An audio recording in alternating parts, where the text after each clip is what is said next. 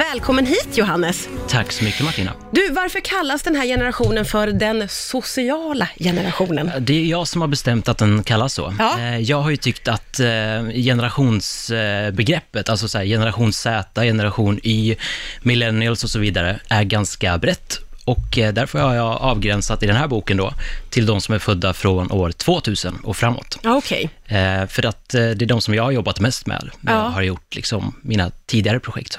Och på vilket sätt är de sociala? Ja, det är också ett svar på din första fråga där. Just det här kring att de är sociala. Är de verkligen det? När de kollar ner i mobilen hela tiden. Jag har ju valt det namnet lite för att det upprör, eh, skapar känslor. De äldre blir sura då! Ja, men precis. Så att, eh, men jag ser det som att det är en generation som aldrig har haft så många olika sätt att vara social på. Alltså på alla möjliga olika sätt. Nej. Eh, vad skulle du säga gör den här eh, generationen unik? Men det är ju liksom den första generationen som har fötts in i det här samhället, Ja. det digitala. Ja. Jag är född 97 och jag känner till och med mig efter i vissa lägen. Är det så? Ja, det är jättehemskt. Ja. Det är liksom tre år som skiljer sig, men allt Ja. går ju så snabbt i den här världen. Så att saker ändras, plattformar kommer och går, influencers kommer och går. Ja. Eh, så det är mycket som händer. Ja, ja men verkligen. Eh, eh, de här som vi pratar om då, eh, vad har de, den här generationen, vad har de för värderingar skulle du säga? Kan man prata så? Ja, absolut. Nej, men de är ju ofta liksom... Man växer upp på sociala medier som inte har någon hierarki direkt. Så att när du kommer till en arbetsplats så är du inte van vid att du har en chef som bossar runt med dig. Så Alltså det där- här är ju så spännande. Ja, men- Herregud, jag har inte ens tänkt den här tanken Johannes. Nej, men... Fortsätt. Ja, men eh, precis. Så här, konflikter på arbetsplatsen kan ju uppstå, kan man ju tänka sig. Ja. Och det är också så här, de är vana vid att få svar direkt på sms eller på, liksom, du får en gilla-markering. Det får du ju kanske inte när du mejlar din chef. Och det skapar ju också lite klyftor, att man förväntar sig ett svar på 10 sekunder och så får man inte det. Ja. Eh, och hur kommer det att påverka den här generationen, tror du, om du får liksom sia? Vi får vänta och se, men jag hoppas att eh, vuxenvärlden följer med och lär sig mer. Om eh, generationen eller om eh, internet, eller båda? Båda behövs. Ja. Ja, det är ju i förlängningen liksom generationen. Vad skulle du säga, Johannes, att den här generationen har för tankar kring internet?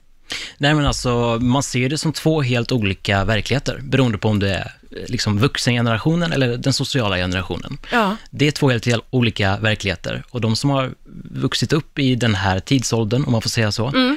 har ju inte liksom känt något annat än att internet finns där i bakgrunden, Nej. närvarande hela tiden. För, för tänker de aktivt på internet då, eller inte? För jag upplever att jag kanske mer är, är, tänker att här är internet, nu går jag in på internet.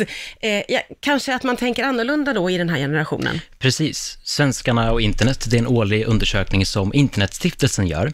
De har ju kommit fram till i sin rapport eh, från förra året att eh, unga ser inte internet som så viktigt, utan de tror ju liksom att det finns där. Det finns svävandes i luften. De vet inget annat. Nej, nej, nej. De Så, får samma låga nivåer på det svaret som 50 och 60-talister. Alltså det är ju så spännande. Det, det, det känns självklart men också jättesvårt att fatta att det är så pass självklart att de tycker inte att de är särskilt beroende av det. Ska man kan tolka Ja, det så? så här, hur viktigt är internet för dig, tror jag att frågan var. Mm. Och de säger inte alls. För att de vet liksom inget annat. Vad skulle hända om internet la ner för denna generation? Det skulle vara jobbigt, eller det skulle vara jobbigt för alla. Ja, det skulle det naturligtvis vara. Precis, det är ju naturligtvis så. Eh, men det är ju jättespännande. Så samma som de äldsta då svarar, svarar de yngsta kan man säga. Exakt. Eh, fast från två Man fattar inte riktigt. helt olika håll. Nej men precis. Hur, hur, om du ska liksom titta framåt, hur tror du att det kommer att vara i kommande generationer? Nej, men det här är ju verkligheten nu. Eh, Det är väl liksom det man Mm, Det är kan vi säga. äldre som kommer att vara eh, det konstiga och det som man liksom pratar om mer än Ja, vad som komma ni drar ju ut, höll jag på att säga. Ja! Oh, jag har bjudit in dig som gäst här. Ja, men det, Ja, det, är, sant, förlåt. det är sant. Det är, Det sant. grovt, det är grovt. ja. Ja, men precis. Och det, det kommer att vara, det som den sociala generationen liksom känner, det kommer att vara normen. Ja, och det finns ju, om man tittar på generationerna nu, ett jättestort kunskapsglapp. Det är därför jag har skrivit den här boken. Mm. Men också att det finns ett väldigt stort glapp i, alltså ett stort utanförskap. Det är många som inte har internet. Och jag menar, det finns hur många som helst som inte har mobilt bank-id, som alla behöver idag. Det vet man ju själv, internetbank, liksom, myndigheter, allt vad det kan vara. Mm, ja, verkligen. Eh, du har pratat om glappet mellan de ol- olika generationerna eh, och, och jag kan uppleva att eh, den äldre generationen eh, kan ha vissa problem med att röra sig på internet. Det är som att eh, vissa eh, liksom saknar... Det är lite klumpigt. Det är klumpigt, exakt vad det är. Bara sa- saknar den känslan för etikettet och det är lite oklart hur man ska be- bete sig. Kan du känna igen dig i det? Absolut. På vilket sätt kan du se det? Nej, men saker som man delar, bara en sån sak. Eh, Facebook-inlägg som helt plötsligt bara, eh, om man tänker sig att eh, en sajt har lagt upp eh, med rubriken en invandrarfamilj får en lägenhet på Östermalm och 120 000 kronor i bidrag. Ja. Och man tänker inte till, man blir så upprörd. Ja. Och så tänker man att, man tänker inte riktigt på det här, är det här rimligt? Man kanske inte ens klickar och läser, utan man bara upp Precis, med man det. delar vidare. Ja. Och det ser man ju också att äldre delar hellre andras inlägg än att skriva egna, medan unga gör tvärtom. Eh, och unga är också bättre på att behandla eh, information med skeptisk, eller se på det med Man skeptiska är ögon. lite så. mer källkritisk. Man är lite mer finkänslig kanske man kan säga. Ja. Alltså för vad som funkar, vilket språk man använder, vad man kan prata om utan att det blir pinsamt på nätet. Kan man lära den äldre generationen det? Är det möjligt, eller är den liksom förlorad? Äh, förlorad är ju tråkigt att använda. Ja, det är ju det. Men, eh, nej men absolut, det handlar väl på många sätt om att prata med sin omgivning när det kommer till unga på nätet och läsa sig till det. Nu säger jag det för att eh, man ska köpa min bok då, men jag menar alltså att bara prata med så barn och barnbarn om vad som händer på nätet. För att om du har ett barn som kommer hem från en fotbollsträning eller från skolgården och är jätteledset, så tenderar du att fråga vid matbordet vad det är som har hänt.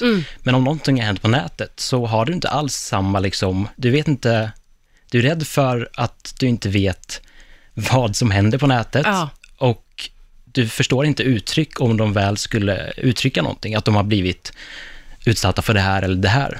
Det fattar här är väl den stora grejen att eh, för de äldre så är det liksom den riktiga världen och internet är två helt skilda saker Mm. och för de unga så är allting samma och det är väl det om någonting, särskilt om man är förälder tänker jag, att man måste lära sig att, att de här världarna går ihop och man måste ju vara med överallt om man liksom värnar om sitt barn. Precis. Och eh, man pratar ju mer om det här med skärmtid. Liksom. Det är jätteviktigt med skärmtid och att eh, forskas på det. Men dels har vi inte levt med skärmtid så länge att man kan dra några slutsatser än. Det har inte funnits skärmar i Nej. svenska hushållen. Eh, och sen får man också tänka på, tycker jag då, eh, som ser i media, att det är mycket, liksom, eh, vad ska man säga, upprörda rubriker eh, som väl blir lite väl alarmistiska. Mm. Vad Eh, tänker du på då? Ja, men då tänker jag framförallt på, alltså så här, näthat. Det är jättehemskt, Mm. men det har alltid funnits mobbning på skolgården. Eh, darknet, alltså vapenhandel, droghandel. Ja, men det har alltid funnits mörka gränder. Alltså man Det har... är tillbaka till att allting går ihop och det är Precis. liksom, det är Det är en och mer- samma värld. Det är mer lättillgängligt nu, men det är lite, man får gilla läget, för att Mm. Det är ju så. Och istället för att kämpa emot det, så måste man ju Lära sig mer anamma kanske. det, för Mm. att världen kommer inte bli mindre digital. Nej, nej, så är det ju helt klart. Det är jättespännande att få prata med dig. Eh, Uppfödd på nätet heter boken som Johannes Gustafsson har skrivit. Tusen tack för att du kom till Rix FM idag. Tack Martina.